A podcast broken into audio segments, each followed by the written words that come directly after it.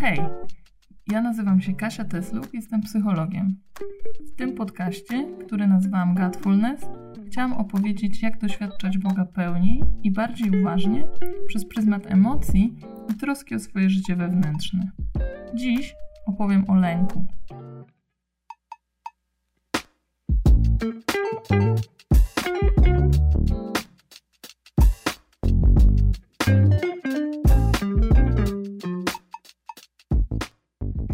Każdy z nas czegoś się boi.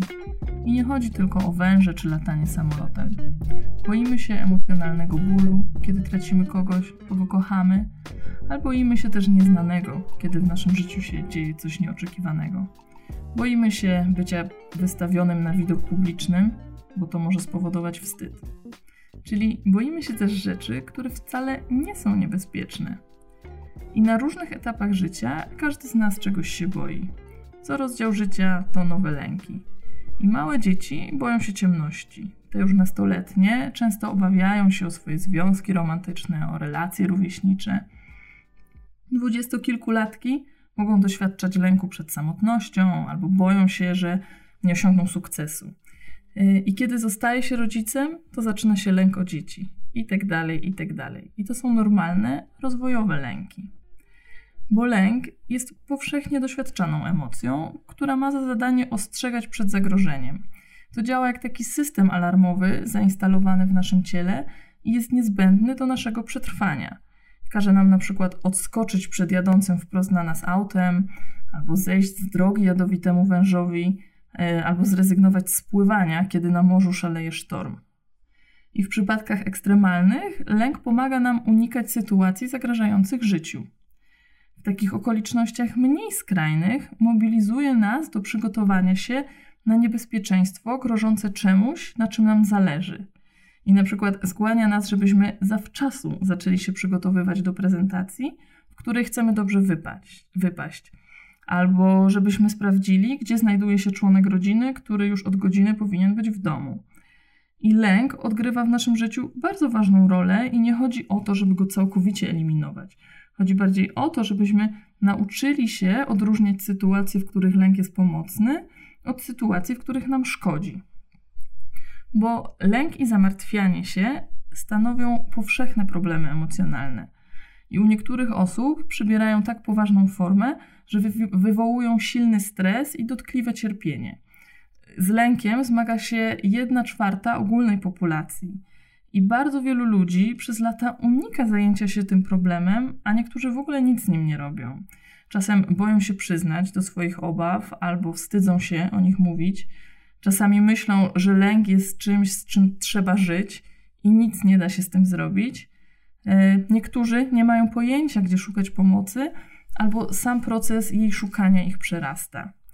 A niektórzy po prostu nie zdają sobie sprawy, do jakiego stopnia lęk utrudnia im życie ale istnieje niebezpieczeństwo, no, że będzie coraz gorzej, e, no bo to jest sytuacja błędnego koła. Bo jeśli ktoś się boi ludzi, to będzie ich unikał, a jak będzie ich unikał, to zmniejszą się jego szanse na takie pozytywne doświadczenia, które mogą skorygować te stare urazy. I pewnie znacie osoby, które nigdy niczym się nie przejmują, a nawet jeśli czasem się o coś martwią, to nigdy to nie urasta do skali dużego problemu. E, no to, to jak to jest, że sporo osób boryka się z takim silnym lękiem? Bo są osoby, które z różnych przyczyn są bardziej podatne na, na przeżywanie silnego lęku. I tak się dzieje na przykład, kiedy ktoś z rodziny miał jakiś problem z lękiem, albo kiedy były niestabilne warunki życiowe, ludzie, którzy są perfekcjonistami, którzy mają wysokie standardy, tacy, którzy są bardzo wrażliwi emocjonalnie, albo mają problem z tolerowaniem niepewności, którzy boją, mają taki lęk przed porażką, strach przed porażką i tak dalej. No i nie wiem, czy zwróciliście uwagę, no ale nie wszystkie te rzeczy, które wymieniłam, są negatywne, no a jednak zwiększają podatność na odczuwanie lęku. I drugą rzeczą, która sprawia, że silniej przeżywamy lęk, jest stres. Mm, I stres często wiąże się ze zmianami w naszym życiu. I on nie pojawia się tylko wtedy, kiedy mamy mnóstwo pracy i deadline się zbliża, albo dostajemy złą wiadomość od lekarza, ale stres towarzyszy też dobrym wydarzeniom, no jak przyjęcie na studia, jak ślub, no a nawet wakacje. I właśnie często w okresach intensywnego stresu ten lęk narasta. A kolejną rzeczą ściśle związaną z lękiem jest zamartwianie się. E, no bo kiedy martwimy się, mamy skłonność do skupiania się na negatywnych rezultatach albo na tym, co może pójść nie tak. E, I myślimy też o tym, co powinniśmy zrobić w danej sytuacji, no ale w rzeczywistości nie robimy nic, ani nie próbujemy znaleźć rozwiązania. I zamartwianie się przypomina taką zacinającą się płytę. W naszej głowie krążą wciąż te same myśli, ale w ogóle nie posuwamy się naprzód. I osoby, które tego doświadczają, mają ogromną trudność, albo jest to dla nich niemożliwe, no żeby te myśli zatrzymać, a czasem one nawet eskalują. I często słyszę od pacjentów, no, że oni doświadczają takiej gonitwy myśli, no, albo nie, nie potrafią się w ogóle odciąć od nich. No a zauważenie, kiedy się nadmiernie martwimy, to jest jeden z pierwszych kroków w stronę zmiany tej skłonności. I kolejną rzeczą y, związaną z lękiem jest takie duże napięcie fizyczne.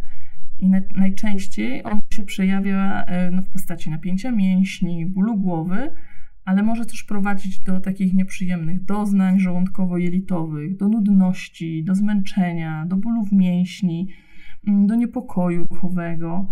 A na, kiedy nasze ciało jest bez przerwy napięte, wtedy pojawiają się kłopoty ze snem, z koncentracją, z podejmowaniem decyzji, ale też nerwowość, drażliwość i, i takie poczucie bycia na granicy wytrzymałości.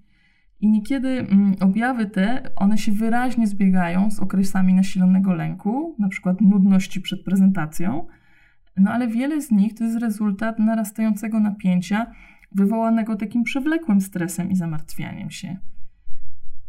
No, I osoby, które doświadczają lęku, w różny sposób próbują sobie z nim radzić i zwykle go nie lubią, więc próbują przed nim uciec. I w psychologicznym języku mówimy o strategii unikania. Niestety te próby uniknięcia lęku, no one okazują się nieskuteczne, zwłaszcza w takiej długiej perspektywie. A mało tego, unikanie jest jednym z głównych powodów, dla których lęk przeradza się w taki chroniczny problem. I jako unikanie, no rozumiem wszystko, co robimy albo czego nie robimy, żeby uniknąć lęku. Na przykład nie będę jeździć tylko znanymi mi e, ulicami i drogami w mieście, bo jak nie wiem, jak wygląda jakieś skrzyżowanie, nie mam gdzie jest pierwszeństwo, no to, to nie pojadę tą drogą, a przez to na przykład wydłuża mi się trasa i tak dalej. No a do innych subtelnych form unikania należy odkładanie rzeczy na później czyli na przykład odkładanie rzeczy na później, wielokrotne sprawdzanie, nadmierna ostrożność, mm, no i takie klasyczne odwracanie uwagi, czyli scrollowanie Facebooka, oglądanie godzinami Netflixa, ale też na przykład odmawianie delegowania zadań, bo się boję, że inni zrobią to źle albo nie tak. No i problem z unikaniem jest taki, no, że nie pozwala się dowiedzieć, co mogłoby się wydarzyć, gdybyśmy nie unikali. I za każdym razem, kiedy czegoś unikasz, uczysz swój mózg y, i swoje ciało, no, że musisz to robić, żeby zapobiec czemuś złemu albo temu uczuciu lęku. A ludzie zmagający się z lękiem, chociaż nie tylko oni, często przeceniają prawdopodobieństwo na przykład jakiegoś wypadku, katastrofizują, zakładają, że dana sytuacja jest nie do zniesienia, no i nie doceniają własnej zdolności do, poradze- do poradzenia sobie z nią, yy, albo zamartwiają się zamartwianiem. Hm. Więc sporo jest tego wszystkiego. Więc jak sobie z nim radzić? No, nie ma dwóch takich samych osób. E, każdy z nas jest inny. Ciało i umysł każdego z nas reaguje odmiennie na te same sytuacje i różnimy się od siebie słabościami i mocnymi stronami. Dlatego nie ma takiego uniwersalnego podejścia, które można by zastosować do wszystkich problemów lękowych wszystkich ludzi. Są raczej strategie, których część sprawdza się u jednych, a część się sprawdza u drugich. Y, na pewno warto przyglądać się swoim lękom i szukać ich drugiego albo głębszego dna. Y, to nie jest łatwe, jakby zagłębiać się w swój lęk, dlatego warto robić to stopniowo. A za chwilę opowiem, jak sobie z tym poradził Dawid. No bo właśnie, co Biblia mówi o lęku? Bo wielu chrześcijan ma takie paradoksalne podejście do lęku. Z jednej strony w Biblii, w Biblii ciągle powtarzają się wersety, w których Bóg mówi ludziom, żeby się nie bali, no a z drugiej strony jest też sporo o takim słusznym lęku przed Bogiem. No jak to jest? E, No bo Biblia mówi nam o tym, jak reagować na nasz lęk i, i jak nasze wartości wpływają na to, czego się boimy. I omawiając lęk z takiej biblijnej perspektywy, chciałam się posłużyć Psalmem trzecim, bo tam widać, e, jak Dawid przepracowuje swój lęk razem z Bogiem. I nie wiem, jak dobrze znacie historię Dawida. On kiedyś był zwykłym pasterzem, później wielkim i poważanym królem. Był takim złotym chłopcem, któremu wszystko się udawało. E, ale w pewnym momencie coś w jego sercu się zmieniło, no i przez to popełnił wiele błędów. I Psalm trzeci opowiada o tym, jak on ucieka przed własnym synem. I Dawid, kiedy pisał ten psalm, e, przepracowywał swój lęk, zagłębiał się w niego, szukał tego drugiego dnia. E, I początkowo znalazł źródło, bał się nieprzyjaciół, mówił, że tylu ich przeciwko mnie powstaje. Inni mu mówili, że Bóg nie przyjdzie mu z pomocą. E, no i pewnie zastanawiał się, jak to się stało, że taki poważany król ma tylu nieprzyjaciół, że z bycia wielkim i szanowanym królem został uciekinierem, że jego rodzina się rozpadła, na jego status znikł. E, I myślę, że Dawid zdawał sobie wtedy sprawę, że w pewnym momencie przestał mieć swoją tożsamość w Bogu, w jego chwale, a zamiast tego jego tożsamość była związana z jego pozycją, z jego pieniędzmi. I w momencie, kiedy później w psalmie mówi: Ale ty, panie, jesteś moją tarczą i chwałą, ty podnosisz moją opuszczoną głowę, no już wie, jaki popełnił błąd i wraca do tego, co właściwe. Mówi, że Boże, Ty jesteś ważny i znaczący dla mnie, że jesteś wszystkim, czego potrzebuję, żeby mieć znaczenie i wartość. I Dawid dać, no ale jednocześnie odzyskuje nadzieję w to, że Bóg jest. Bo Bóg nie obiecuje, że trudne rzeczy nam się nie przytrafią w życiu, ale obiecuje, że zawsze z nami wtedy będzie. Yy, I to w Nim możemy szukać ratunku. Bo Jezus nie umarł za nas na krzyżu, żebyśmy byli bogaci, zdrowi i mądrzy, ale między innymi po to, byśmy w Nim mieli miłość, radość i pokój żebyśmy w tych momentach lęku zwracali się do Niego i szukali, jak Dawid, głębszego dna tego, czego się boimy. Bo prawdopodobnie chodzi właśnie o to, że nasza tożsamość i w to, co wierzymy o sobie, no nie jest tym, co pochodzi od Boga. No ale może być też tak, że, że mimo, że sobie to przepracowujemy w modlitwie i widzimy te wszystkie głębsze rzeczy, no to ciągle i w kółko doświadczamy tych lękowych myśli i tego zamartwiania się. E, no i warto wtedy zastosować strategię, która nazywa się zdystansowana świadomość. Bo, no jak już pewnie wiecie, tłumienie myśli no nie jest dobrą strategią. I zamiast próbować tłumić i kontrolować te swoje niepokojące myśli, po prostu warto je zauważać, no ale nie reagować na nie.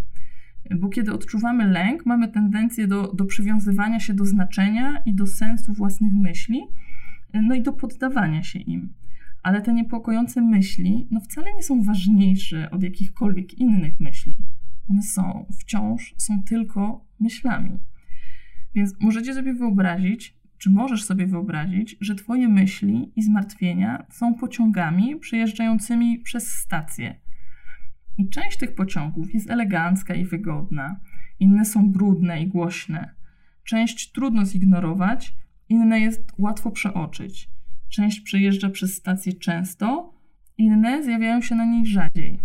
I myśli mogą być właśnie takimi pociągami. I zamiast wskakiwać do każdego pojawiającego się pociągu, po prostu warto obserwować, jak kolejne pociągi przyjeżdżają i odjeżdżają. I wsiadać tylko do takich, które zabierają cię tam, dokąd zmierzasz. I zamiast zajmować się każdą pojedynczą myślą i każdym zmartwieniem, warto zwracać uwagę jedynie na te, które dotyczą tego, no, na czym chcesz się skupić w danym momencie. Bo ostatecznie chodzi o to, żeby sobie zdać sprawę, chociaż nie jesteśmy w stanie kontrolować tego, jakie myśli w pierwszej kolejności pojawiają się w naszej głowie, no to jednak możemy zdecydować o tym, no jak na nie reagujemy. I kończąc, chciałam powiedzieć, że, no, że kilku kwestii nie poruszyłam w tym odcinku, bo jeśli jest tak, że miewasz myśli samobójcze, zmagasz się z jakimś silnym przygnębieniem albo depresją, albo używasz alkoholu, albo jakichś innych substancji odurzających w taki sposób, który rodzi problemy, no to koniecznie e, skorzystaj z pomocy specjalisty od zdrowia psychicznego.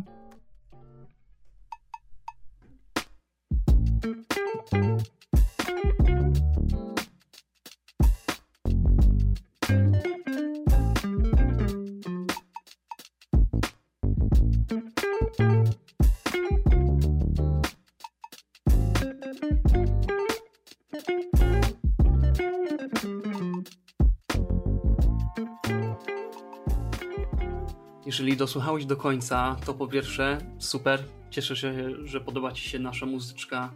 Mam prośbę do Ciebie, jeżeli mógłbyś udostępnić ten odcinek innym liderom młodzieżowym, którym myślisz, że się przyda, po pierwsze to byłoby super dla nich, po drugie może to być fajna okazja do rozmowy między, nami, między Wami, a po trzecie to by nam bardzo pomogło, bo chcemy jak najwięcej osobom pomóc, więc udostępniając ten odcinek, dając jakieś e, recenzje albo coś, to jest dla nas mega, mega pomocne.